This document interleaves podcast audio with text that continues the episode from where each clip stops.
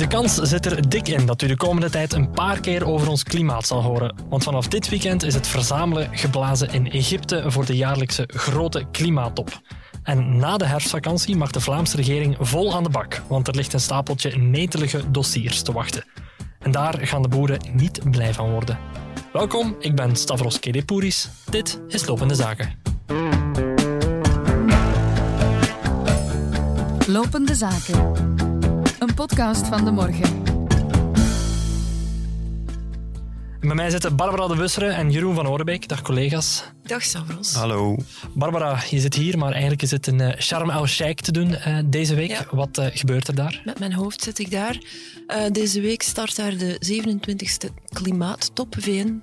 Bijeenkomst van wereldleiders rond klimaat. De kop, zoals de kop, dat heet. Hè? De Convention of Parties, de kop, die komen daar samen om te onderhandelen over het klimaat en hoe je het veilig zou kunnen houden. Te onderhandelen over, over het klimaat, hoe moet ik me dat dan voorstellen? Wat gebeurt daar op zo'n top? Dat is eigenlijk een heel groot internationaal politiek gesprek dat dus al jaren bezig is en dat gaat over de klimaatproblematiek. Uh, hoe kunnen we de, de opwarming van de aarde binnen veilige grenzen houden voor iedereen? Uh, wie doet wat? Welke emissiereductie stellen we voorop? Hoe helpen we de belangrijkste slachtoffers van nu al extreem weer? Dat is, dat is de agenda steeds, maar dat wordt natuurlijk telkens meer geconcretiseerd en aangescherpt. En uh, de situatie is nu zodanig pregnant dat er uh, ja, altijd maar opnieuw gehoopt wordt op nog hogere ambities, nog scherpere afspraken. Is dit dat... eigenlijk een grote top, zogezegd, of een kleine? Ja, dat is uh, een middentop. Uh, dat bestaat eigenlijk blijkbaar ook. uh, er is om de vijf jaar of zo is wel een hele grote. De, de, meest mythische was die in 2015 in Parijs, waar is afgesproken door 196 landen. We gaan de opwarming binnen de, de grenzen van wat de wetenschap ons aangeeft proberen houden. de grenzen van wat veilig is. Um, deze top breidt daarop verder. Uh, er zijn beloftes neergelegd door landen. Wij gaan zoveel uitstootvermindering tegen dan realiseren. Dat zijn allemaal beloftes. Dus de, de vraag is telkens ook nu weer, wie is dat aan het nakomen? Wat moet er nog meer gebeuren? Uh, rond de uitstootreductie. En dan een tweede belangrijke poot, die, ook dit, die zeker dit keer eigenlijk een focus zal zijn, is de solidariteit. Uh, de, landen, de solidariteit met wie? Met de landen die al de zwaarste impact nu voelen. Uh, belangrijk land dit, dit keer is Pakistan. Is recent voor een derde onder water komen te staan door zeer uh, extreme overstromingen. De bedoeling is dat de rijke westerse landen die ook rijk uh, geworden zijn dankzij het verbranden van fossiele brandstoffen, helpen om de impact van klimaatverandering op te vangen in landen die eigenlijk veel minder schuld, tussen aanhalingstekens, hebben aan het financieel. probleem. Ja, solidariteit is financieel helpen met één, de transitie te maken naar, naar, naar schone energie, uh, zodat ze voor hun eigen ontwikkeling minder op fossiel uh, zouden inzetten meteen al en eigenlijk meteen al naar uh, groene energie kunnen springen. Maar ook, en dat is ook een heel belangrijk, steeds belangrijker thema, omdat het in de realiteit steeds meer gebeurt, loss and damages, schadevergoeding. Zij eisen ondertussen ook echt schadevergoeding voor klimaatrampen die nu al gebeuren. En hoeveel is dat dan?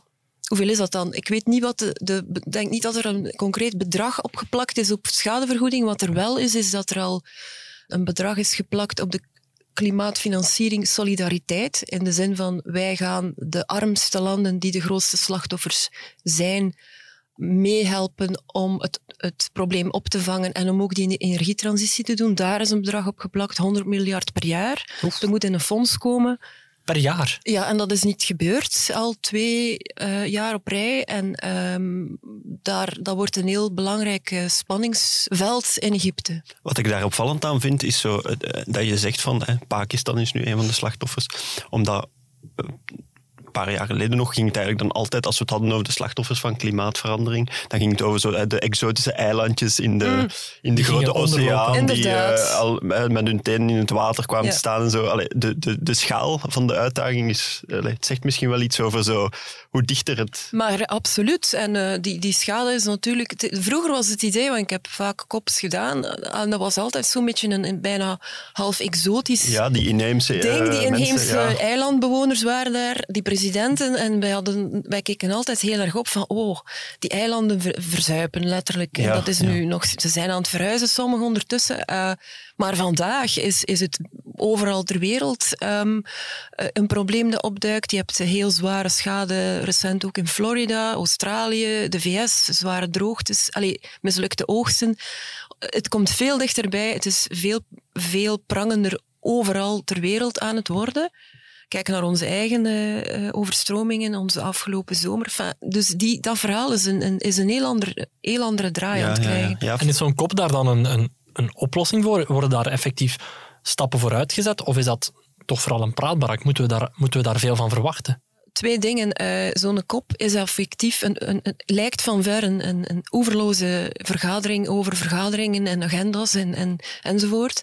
Maar je, je kan er niet omheen. Als je, als je uh, niet spreekt op wereldniveau, want dat is de enige plek waar het ooit gebeurt over dit probleem, wat een wereldprobleem is, ja, dan is het een beetje ieder voor zich. Dus het is een heel minimalistisch antwoord dat ik hier geef, maar als je dat niet doet, gebeurt er helemaal niks. En de vooruitgang is vaak zeer minimaal.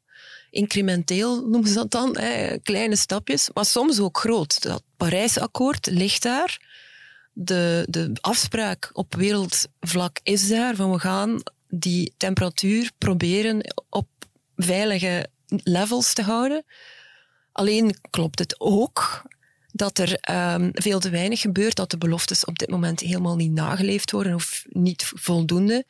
En dat we de emissie, de mondiale emissies eh, van broeikasgassen tegen 2030, als binnen zeven jaar, moeten halveren om dat doel te gaan halen wat, ja, waarvan eigenlijk bijna iedereen zegt, dit, dit is niet meer mogelijk. Ja. Het is een dubbele situatie. Ik denk ook, wat we ons altijd goed voor de geest moeten houden, is dat het dus echt om een, om een mondiaal probleem gaat, dat ook mondiaal moet opgelost worden. En dat dat dus maakt dat het echt om een heel erg traag proces gaat. Eigenlijk. Kijk, we gaan het er zelfs over hebben in Vlaanderen. Ja, kijk, hoe, alleen hoe traag sommige dingen, ze gaan, hoe sommige dingen gaan dus ja, wat ik ervan onthouden heb van, uh, van Parijs destijds in 2015, was eigenlijk dat dat het punt was waarop de eerste keer de hele wereld, bij wijze van... Nee, allez, ja, ik denk dat een aantal landen niet hebben meegedaan destijds. En Trump is daar dan aan uit. Ja. Het overgrote deel, hè, de 99% van de, van de landen, eigenlijk heeft gezegd van ja, klimaatopwarming is er. En ja, het is een probleem dat we samen moeten aanpakken.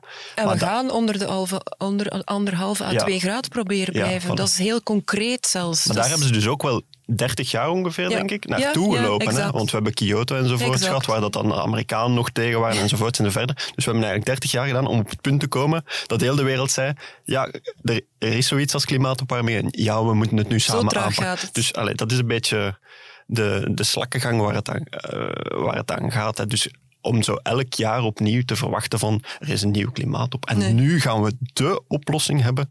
Ja, dat is niet realistisch. Het is een manier om uh, druk te blijven zetten op de zaken. Ja, het is natuurlijk wel nodig, denk ik, om daar druk op te zetten. Uh, het werk van activisten en van, van de mensen die daar dan hun verhaal komen doen. Hè.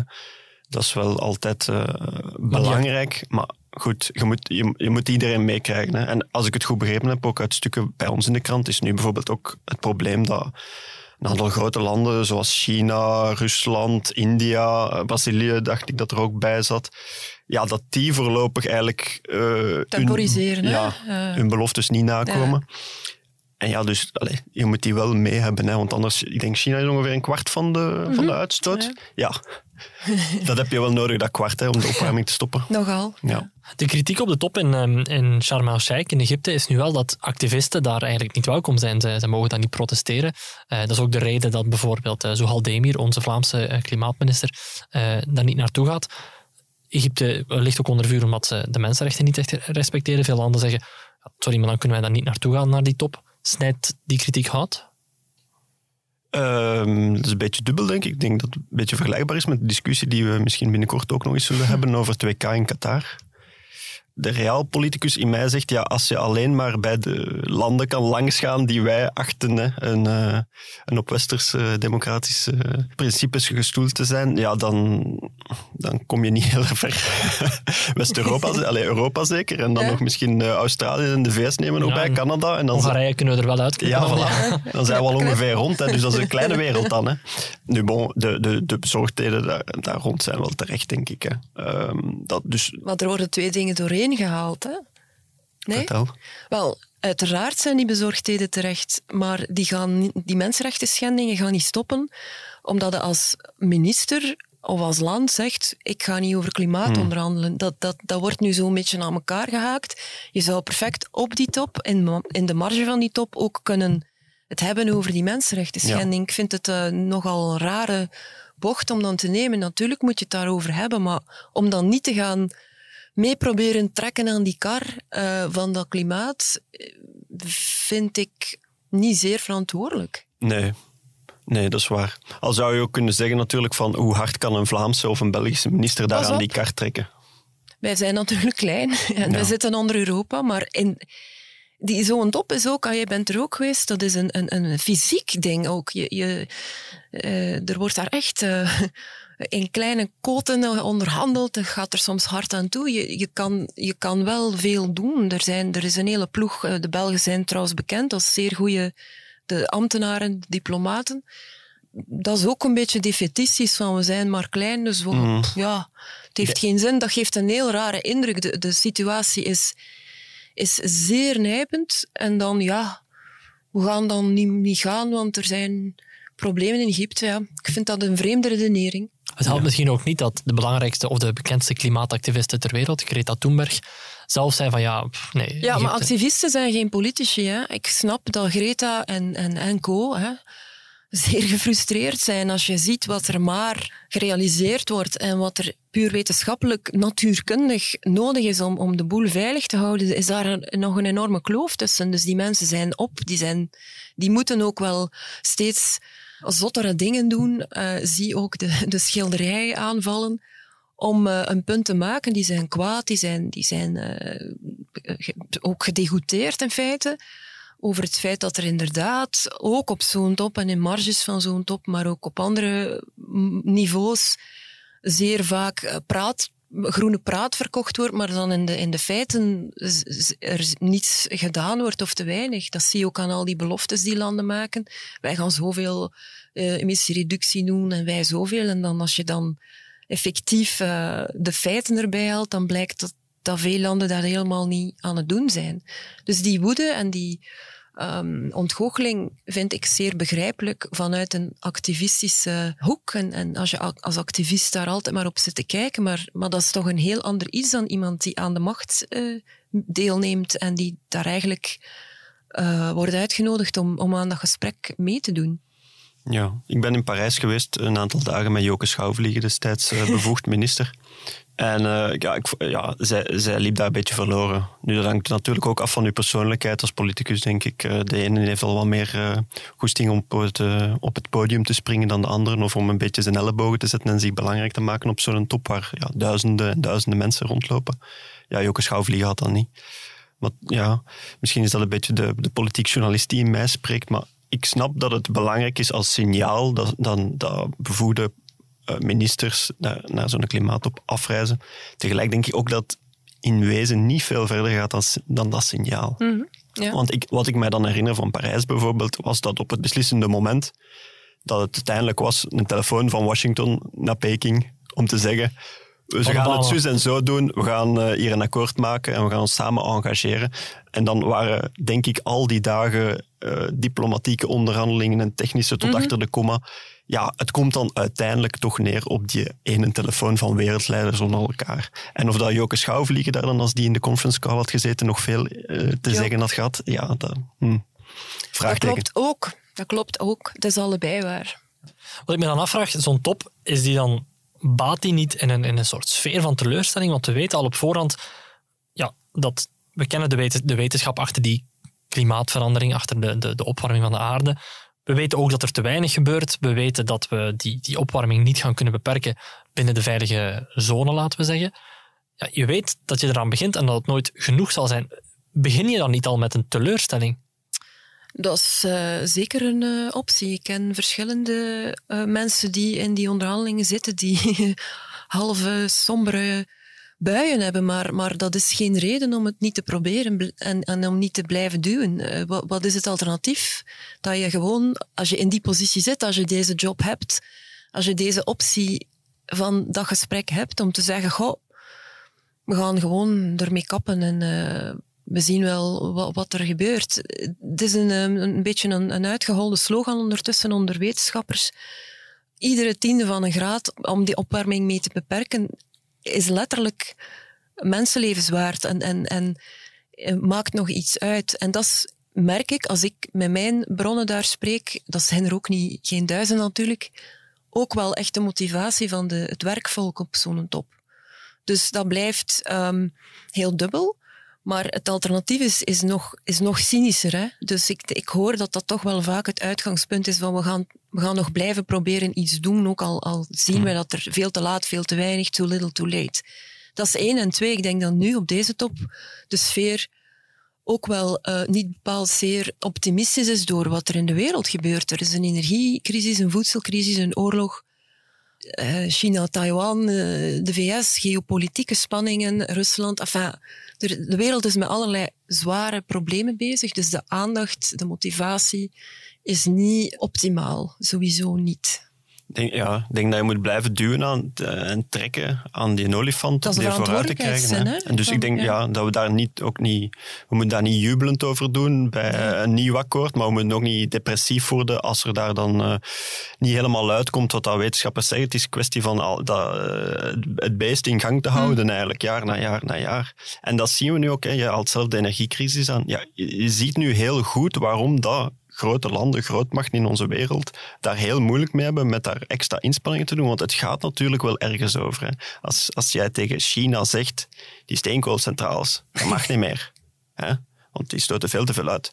Allemaal goed en wel, maar hun gezinnen, hun bedrijven, hun economische groei is daar heel sterk op gebaseerd. Dus het hangt allemaal heel erg samen en er is een hele grote geopolitieke dimensie aan, waar de landen niet zomaar in gaan meestappen om te zeggen van kom, uh, kumbaya, we doen hier alles voor het klimaat. Op het einde van de rit zijn er toch nog altijd heel erg veel aan hun eigen belang aan het denken. Hè. Uiteraard. Ja. Daarom gaat het zo traag. Voilà. Oké. Barbara, hoe lang duurt die top? Tien dagen. Tien dagen. Dus over tien dagen weten we meer. Mag ik nog iets zeggen? Tuurlijk de verkiezingsoverwinning van Lula in Brazilië is waarschijnlijk van een veel groter impact van het klimaat van alles wat er daar in Egypte zal uitkomen. Dat moet je uitleggen. Dus uh, de verkiezingen vorige week zondag in Brazilië gehad, presidentsverkiezingen, nipt de overwinning van de linkse kandidaat Lula ten opzichte van de rechtse populist uh, de, en de, de uitredende president uh, Jair Bolsonaro. Waar dat eigenlijk, Lula was al een keer twee termijnen president in, in Brazilië uh, eerder deze eeuw. En onder zijn auspiciën is eigenlijk de ontbossing in het Amazone het grootste regenwoud ter wereld. Toch heel erg belangrijk in, ja. in heel de klimaatproblematiek. Is dat eigenlijk uh, met twee derde verminderd. Dus die heeft daar echt wel een aantal vijzen aangedraaid om dat proberen toch ja, om minstens te vertragen, die ontbossing. En onder Bolsonaro, die heeft weer helemaal de vrije hand gegeven aan die economische ontwikkeling van het Amazonewoud. Dus dat ging weer helemaal de verkeerde kant op, richting recordniveaus van het begin van de, van de eeuw. Het is nu de hoop natuurlijk dat, dat Lula, en dat heeft hij toch al een beetje beloofd, uh, dat terug zal keren en uh, dat er daar toch weer een beetje een rem op komt op die ontwikkeling, alleen die, die economische ontwikkeling van het Amazonewoud, die trouwens heel vaak gepaard gaan met allerlei geweld. En, uh, dat zijn vaak illegale operaties, mm. dat zijn gewettelijke operaties, waarbij dat inheemse bevolkingsgroepen met geweld worden verdreven van hun grond ik denk dat dat misschien, nee, misschien, wel, ja, nee, misschien niet, uh, zeker uh, een hele grote impact kan hebben op. Uh... Misschien een concretere impact dan de kop zelf. Ja, voilà. Ja. Okay. Tenzij het geld op tafel komt, hè. dat is ook wel echt belangrijk. Ja. ja. Een stevig envelopje, 100 miljard per jaar. Ja.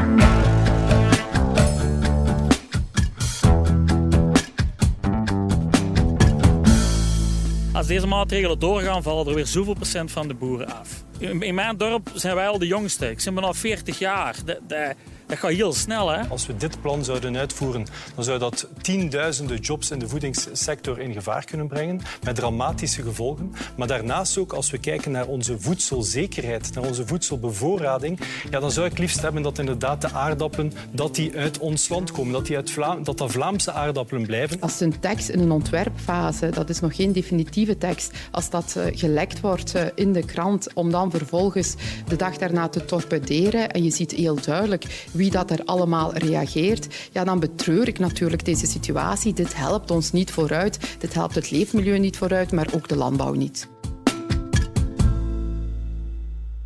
Jeroen, we hadden het daarnet al over Zoal Demir, maar we gaan het er nog eens over hebben, want zij gaat de komende maanden een belangrijke rol spelen in de Vlaamse regering. Ja, of ze heeft denk ik al wel een belangrijke rol.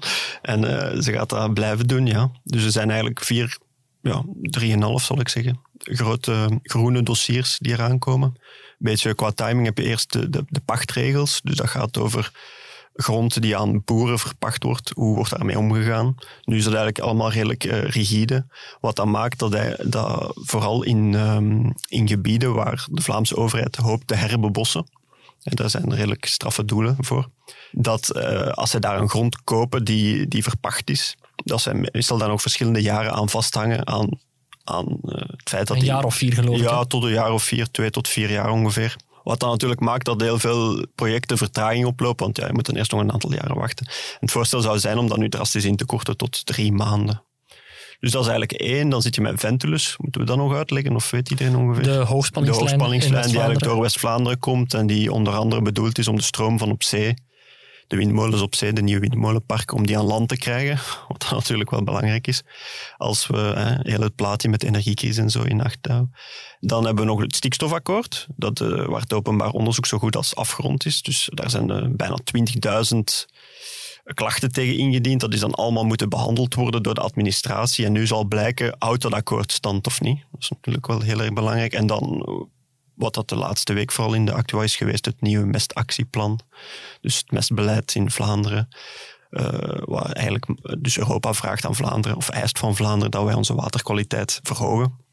En dat heeft heel veel te maken met feit, uh, met mestbeleid en de, de vervuiling daarvan in onze waterwegen. Dat zijn allemaal shit dossiers, mag je dat zo zeggen? Bijna letterlijk. Uh, ja. In het geval van de mest. Ja. ja, het stinkt. Ja. Nee, ja, ja, ja. Moeilijke dossiers. Pacht zal er misschien wel, zal, zal lijkt me de, de gemakkelijkste. En het zijn ook dossiers waar vooral CD&V met knikkende knietjes in zal staan? Ja, ja, ja. Al zijn daar een beetje wisselende coalities. Want we zagen bijvoorbeeld als dat het, het, het eerste voorstel voor het nieuwe mestactieplan, als dat uitgelekt uh, was, dat daar ook toch uh, Gwendoline Rutte meteen opsprong om te zeggen van uh, ja, dit kan niet. Dus het is een beetje Ventulus bijvoorbeeld, zie je heel duidelijk dat Open VLD voorstander is van Ventulus. En VA is een beetje, schippert een beetje, maar lijkt toch ook wel voorstander van Ventulus. Als we het over Ventulus hebben, dan hebben we het over de luchtlijnen. Dus ja. er is discussie boven de grond of ondergronds. Ja, bovengronds is het normale procedé, zullen we maar zeggen. Dat kan redelijk snel gaan, wat dan nodig is. En ondergronds is heel erg moeilijk. Heel, en heel erg duur blijkt uit een eerste rapport dat nu wordt nagerekend en waar we waarschijnlijk heel snel meer over zullen weten. Dus daar zit je een beetje met een wisselende coalitie, daar staat CD&V vooral alleen. En dan stikstof is ook weer, uh, ja, uh, CD&V, maar ook Open VLD hebben daar toch wel wat vragen bij, bij het akkoord dat weliswaar eigenlijk al is afgesloten in de Vlaamse regering. Dat wordt, een, dat wordt een heel moeilijk parcours. En het zou me verbazen mochten die vier allemaal uiteindelijk de eindmeet halen. Want al die dossiers moeten de komende maanden behandeld worden. Ja. Uh, we zitten ook stilaan richting het laatste deel van de regeerperiode. En dan weet je dat, uh, dat het lastiger wordt om moeilijke dossiers erdoor te trekken. Jij acht de kans niet, niet heel groot dat die dossiers allemaal voor de verkiezingen Voor zover dat ik het zie, moet er in allemaal wel iets beslist worden. Ik denk misschien pacht kan ook blijven liggen, maar daar zijn ze eigenlijk het vers mee opgeschoten. Dus ik denk dat dat er wel zal doorkomen. Dan stikstof, um, zoals het er nu naar uitziet, zou uit dat openbaar onderzoek blijken dat er eigenlijk geen fundamentele problemen zijn met eigenlijk het model achter het stikstofakkoord. Dus dat zou dan toch ook wel moeten kunnen lukken. Um, dan hebben we nog Ventilus. Daar ziet het er nu toch ook naar uit dat er is nu een soort dubbelcheck door de, de lokale burgemeesters gevraagd van het eerste rapport over Ventilus. Dat zou nu toch ook, denk ik, uh, bevestigen dat dat eerste rapport eigenlijk degelijk was. En dus wellicht dat er een luchtlijn komt. En dan heb je nog mestactie, daar lijkt nog het meeste werk voor de boeg. Daar hebben ze ook wel tot ongeveer februari, dus daar is nog iets meer tijd. En ja, daar kan natuurlijk uh, compromis à la Belge, denk ik, uh, of à la Flamand, gezocht worden. is dat dan ambitieus genoeg of niet? Daar zullen wellicht uh, de meningen heel sterk uit, uiteenlopen. Vooral de boeren zijn heel erg bevreesd hè, over de, de dossiers die eraan komen, van het stikstofakkoord, ja. mest. Is hun vrees terecht? Moeten we echt, gaan we echt naar een soort herdefiniëring van boeren in Vlaanderen?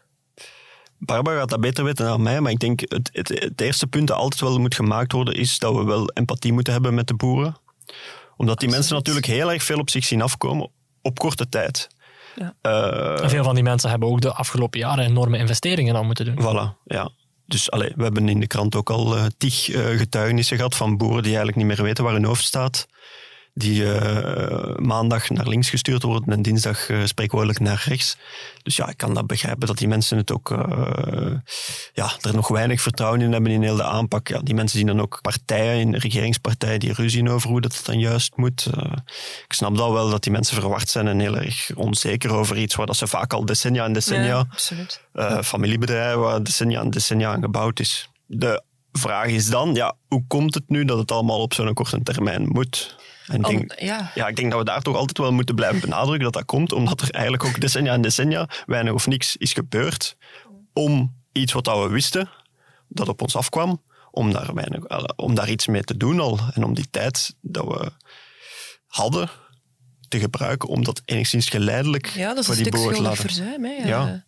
Dat is zoals met klimaat. Als, als je zeer lang een fundamenteel probleem negeert, wegkijkt, ja, dan is de crash against the wall harder uh, op het moment dat, dat het, dat het on, onontkoombaar wordt. Ja. Dat is met, net zoals uh, met de klimaatinspanningen. Hè. Hoe ziet dat fundamenteel probleem er dan uit bij, Ja. bij mest, met stikstof? Als het gaat over mest en stikstof, komt het er eigenlijk op neer dat um, onze, na, ja, ons milieu, onze natuur, biedt ons heel veel. Hè, verse lucht, uh, proper water, voedsel, oogsten, uh, eten. Uh, en je kan dat wonderlijk veel uitputten. Je kunt daar enorm veel uithalen uit die natuur. En dat doen we, uiteraard. Dat is logisch. Maar daar zit ergens wel een grens aan. Bovendien dumpen we ook heel veel mest dan. En ook stikstof um, in die natuur, waardoor die verstikt. En op den duur klappen die dingen ineen. Krijg je waterlopen waar geen zuurstof meer in zit. Um, ecosystemen die helemaal niet meer in evenwicht zijn. Waardoor alle fundamentele bronnen waar we van afhangen, gaan wankelen. Dus je wil dat ergens ooit wel afremmen, dat proces. En dat is waar, waarom er Europese regels over bestaan. Daar ligt het probleem. Dat is fysica, dat is natuur. Daar kun je niet eindeloos mee onderhandelen van ja, we zouden toch liefst graag nog meer stikstof. Decennia mest en stikstof uh, dumpen en ondertussen heel veel uit die natuur halen. Uh, wat wij elke dag inademen, drinken en eten namelijk dat kan je niet eindeloos blijven doen. Dat klapt op een bepaald moment gewoon ineen. Da dan vraag ik me toch af, je zegt dat het fundamentele probleem lang genegeerd is, maar bijvoorbeeld voor de, voor de mest zitten we nu aan mestactieplan 6. Zo al meer werkt aan mestactieplan 7. Exact. Dan is er toch wel iets gebeurd. Ja, maar zoals uh, ook uh, bijvoorbeeld in het klimaatthema, er is zeker iets gebeurd, maar te weinig. Als je kijkt naar de resultaten nu van uh, de, de de mestresidu's uh, in, de waterlopen zijn die nog altijd heel erg slecht. Is niet een beetje slecht. Dus er is altijd maar onderhandeld. En dat komt ook, en daar kijk ik voor naar Jeroen, de politiek heeft altijd um, ja, uh, ja, compromissen zitten sluiten met de, de, de landbouwlobby's en de landbouwers en de, de boerenbond. En uh, op dat punt is de CV, CVP en de voorganger van de CD&V vaak ook heel toegeeflijk geweest. Dus er is gewoon te weinig gebeurt. Of vergis ik mij? Nee, ja, ik denk dat, dat dat het geval is. En je zit daar ook een beetje met een, met een tegenstelling zijnde dat wij Europees wel hebben gezegd goede waterkwaliteit belangrijk. Hè? Ja. We duwen op de groene knop. Maar dan, ja. Maar dan als het dan bij ons thuis, hè, Europa komt zeggen, ja, je hebt wel op die groene knop geduwd voor goede waterkwaliteit, hè, dus doe het nu ook maar bij u thuis. Dan in één keer gaan er een, zeggen een aantal mensen, ja, maar dat is niet haalbaar. Hm. Ja, dat is natuurlijk lastig. Daar, in die zin heeft, zowel de Meer heeft daar recent in een persbericht ook gezegd van, en daar heeft ze wel een punt, je kunt natuurlijk moeilijk zeggen van, in Europa keuren we iets goed, en dan thuis gaan we het niet uitvoeren. Ja, ze heeft daar een punt. En zij is ook de eerste minister die echt heel krachtdadig probeert nu op te treden na jaren van veel te slap beleid op dat punt. hè. Is er de boeren te lang gezegd, jullie kunnen verder doen zoals, Ja. zoals jullie bezig Ja. zijn? Min of meer, als je het heel kort eh, samenvat. Ja. Ja, ik denk dat, je, dat niemand echt zowel de meer het kwalijk kan nemen dat ze daar nu mee aan de slag gaat. Nee. Wat je wel voelt natuurlijk, is eh, de manier waarop dat ze dat dan doet, dat dat wel voor vrevel zorgt. Zeker bij CD&V, die nog eh, toch wat meer op de rem wil staan. Ehm, dus ja, zowel de meer heeft ook haar eigen temperament, zal ik het dan noemen. hè. Stijl. Ja, voilà. En die we ook gezien hebben in de zaak rond de KU Leuven bijvoorbeeld. Dus ja, dat botst wel eens. Maar aan de basis eh, blijft het probleem natuurlijk. Er is heel lang weinig, te weinig gedaan. Ja, en nu moet er toch wel op korte termijn iets gebeuren. Of, oh, ja, het, het alternatief is zeggen tegen Europa, eh, we doen niks. Hè? Of, we doen, of we doen verder op ons, op ons gemakje zelf. We zien wel hoe dat komt. Maar dat zie je bijvoorbeeld in het stikstofdossier dan. Dat eh, het laten hangen, dat, dat, ook, eh, dat je dan echt ingehaald worden door juridische uitspraken. Hè? Onze noorderburen, daar zijn ze dus al eh, een heel aantal jaren eigenlijk op zoek naar een, naar een deftig stikstofakkoord. En daar is nu deze week ook weer een juridische uitspraak geweest die er eigenlijk op neerkomt dat er een soort vergunningsstop is in Nederland omdat er te veel stikstof is. Dus ja, de politiek heeft daar ook niet heel veel speelruimte meer om te zeggen we doen, we doen door zoals we bezig zijn en we zullen wel zien. En, eh, Wat al- altijd gebeurd is tot nu. ja, voilà. Eh, deze week werd eh, bij CD&V gevreesd voor de toekomst van de Belgische friet. Sloeg dat, slaat dat ergens op? Parma. Bon, eh, ja, dat eh, is een opmerkelijke uitspraak. Ehm, slaat dat ergens op? Ik denk het op dit moment niet. Als ik het goed begrijp, is er helemaal geen akkoord of geen beslissing. Is er iets uitgelekt dat een soort voorzet is?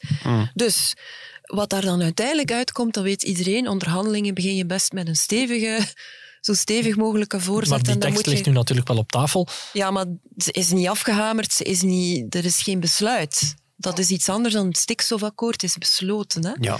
Dus alleen al dat moet je afwachten, wat komt daar dan uiteindelijk uit?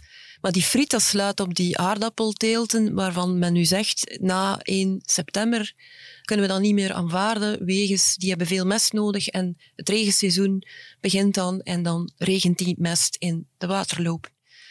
Dat daar dan van wordt gemaakt, de friet, dat is niet zo vreemd vanuit Ja, die boeren politiek, natuurlijk. hè. Dat, dat is, is dat is communicatie. Hè. Ja. Maar, maar er wordt een beetje gedaan, of je krijgt de indruk dat het al allemaal bedissel, allee, beslist is. Dat is nog niet zo. Maar het gaat wel, dat klopt, over die aardappelteelten onder andere. Ja, ik denk dat is politiek. wel, hè. Ja. Omgeke- stel nu omgekeerd dat de CD&V het zou moeten uitwerken dat NVA moeilijk ligt. Zou NVA er ook geen seconde over twijfelen om daar een lekkere soort, one-liner eh, ja, eh, in de markt te zetten. hè.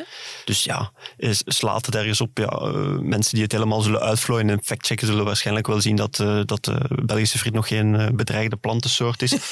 Ehm, Maar misschien is de waarheid wel dat een aantal boeren zullen horen ja, jullie kunnen niet verder doen zoals jullie het gewend zijn. De kans zit erin dat dat voor aardappelteelt eh, wel, eh, dat daar wel een beperking in eh, Ik voor aardappelen of, of. Groenten ook, bepaalde groenten, gewassen die veel ehm, mest nodig hebben, als ik het goed begrijp, en die tot laat geoogst worden nu, omdat dat beter is ehm, om allerlei technische redenen, dat dat minder gaat kunnen gebeuren. Dus dat is een van de voorstellen om het probleem aan te pakken, maar er zijn verschillende dingen die op tafel liggen. Hè. Je kunt mest, eh, overschotten en mest, te veel aan mest ook er, er zijn een waaier van opties ehm, en, en het gaat er allemaal van afhangen hoe die onderhandelingen lopen en waar die dan landen.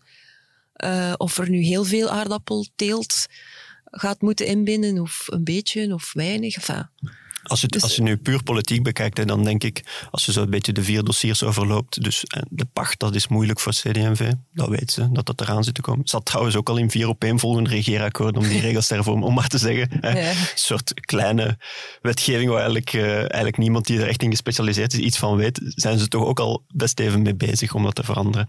Ehm, je hebt stikstof, dat dus ook wel op toch enigszins op de goede weg lijkt. Ook moeilijk voor CD&V. En je hebt dan Ventilus, dat er toch ook lijkt nu toch boven de grond te komen. Ook moeilijk voor CD&V. Ja, als je al drie, bij wijze van spreken, een heel laag leidt als CD&V, is het misschien goed van dan het vierde dossier, dan met het actieplan. Daar een keer goed op, goed maken. op de gas te gaan. En daar dan proberen toch een, tussen aanhalingstekens, overwinning te boeken Ja. door hè, het, het uitzonderlijk scherpe beginvoorstel dat het einde van de sector zou betekenen. Dat jij dan op het einde van de rit kan komen en zeggen, wij hebben dat naar beneden de fritten gekregen. gered. We hebben de fritten gered, de Ja. Belgische frit is gered door CD&V. Dat, puur politiek gezien is dat denk ik, dat zou een zinvolle strategie zijn. Tuurlijk. Het zou me niet verbazen als daar dan uiteindelijk ook begrijpelijk ook. hè, ergens op ja. land februari. Ja. Maar tegelijk is natuurlijk door de oorlog in Oekraïne ook wel ja, een, een soort bezorgdheid ontstaan over onze eigen voedselproductie. Dat we, we hebben gezien, ja, we kunnen best niet alles aan het buitenland uitbesteden. Nee, maar ik denk dat daar politiek ook wel redelijk consensus over is hoor. Ehm CD&V hamert daar natuurlijk heel erg op. Maar ik eh, allee, spreek me tegen, maar ik heb nu weinig. eh, misschien groen gaat daar nog het versen in, in het afbouwen van dan de, de binnenlandse landbouw. Hè. En echt naar een, naar een nieuw model gaan met kleinschalige landbouw. Maar bij de andere partijen heb ik, hoor ik dat nu eigenlijk wei- weinig.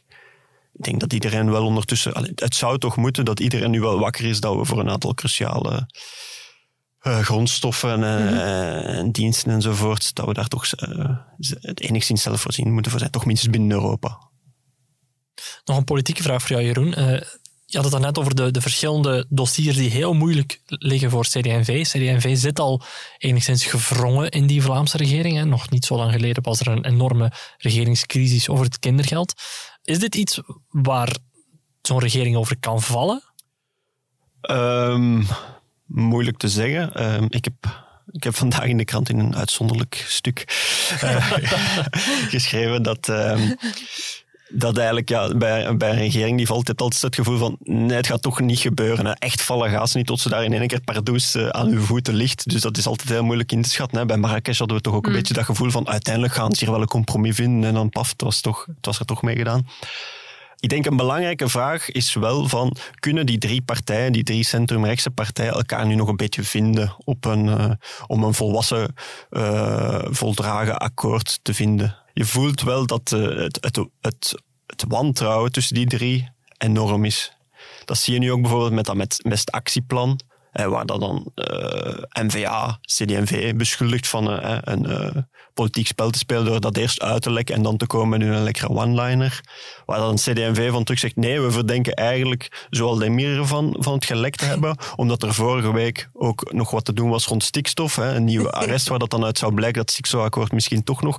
Dus allee, dat soort dingen, terwijl wij weten als journalisten, dat soort lekken, ja, dat wordt soms, hè, soms wordt er daar politiek bij gespeeld, maar soms is er ook domweg gewoon Iemand die het in handen had? ja, of een, een, een, toevallige telefoon waar dat je dan net iemand eh, hoort die je zegt, ja, zeg, ik heb dat hier liggen. En dat je zegt, ah, oké, eh, klik eens door naar mij. Hè. dus het is ook niet altijd zo dat het zo heel erg strategisch gespeeld wordt of zo. Maar dat, dat, dat ze elkaar dan zitten te beschuldigen en dan, hè, ja, of de record hoor je ook wel eens wel lelijke dingen over en het weer. Hè, over bijvoorbeeld Zoal Demir die dan eigenlijk zich zou willen profileren op kap van de boeren. En dat is dan wat je dan bij CD&V hoort. Eh, ja, eh, dat, je, je voelt dan alles van, dat zit daar niet lekker tussen die drie. En ja, eh, ik denk een cruciaal punt daarin is dat ze alle drie weten van die centrumrechtse formule, die is eigenlijk uitgewoond. En dat hebben we nu toch wel, dat is eigenlijk een beetje de formule van het vorige decennium. N-VA heeft dat in gang gezet, eerst in Antwerpen, dan hebben ze dat naar Vlaanderen en dan naar federaal gebracht. Dat is geen succes gebleken. En je hebt toch het gevoel dat zeker N-VA, als toch de, nog altijd de leidende partij in Vlaanderen, daar, daar zijn heil elders wilt zoeken. En dus die drie weten dat ook. Die weten ook van, ja, wij moeten hier geen cadeaus meer verwachten. We moeten hier zorgen dat we, dat we zelf straks in 2024 zo sterk mogelijk zijn. En dat maakt natuurlijk dat je zo'n situatie komt met heel erg veel wantrouwen, waarin dat er nog heel weinig toegeeflijkheid is. Eh, ja, dus een moeilijke situatie, ja. De krantenpagina's gaan weer gevuld raken. Het, moet, hè. Het moet, hè. Oké, onze tijd zit er weer op. Wij gaan een eh, Belgisch frietje eten, nu het nog kan. Krijgt u geen genoeg van het zachte gebrom van Jeroen van Orenbeek. De kans is klein, maar goed. Laat het ons weten op podcast.demorgen.be. Wij zijn er volgende keer weer. Ik ben Stavros Kelepouris en dit was Lopende Zaken.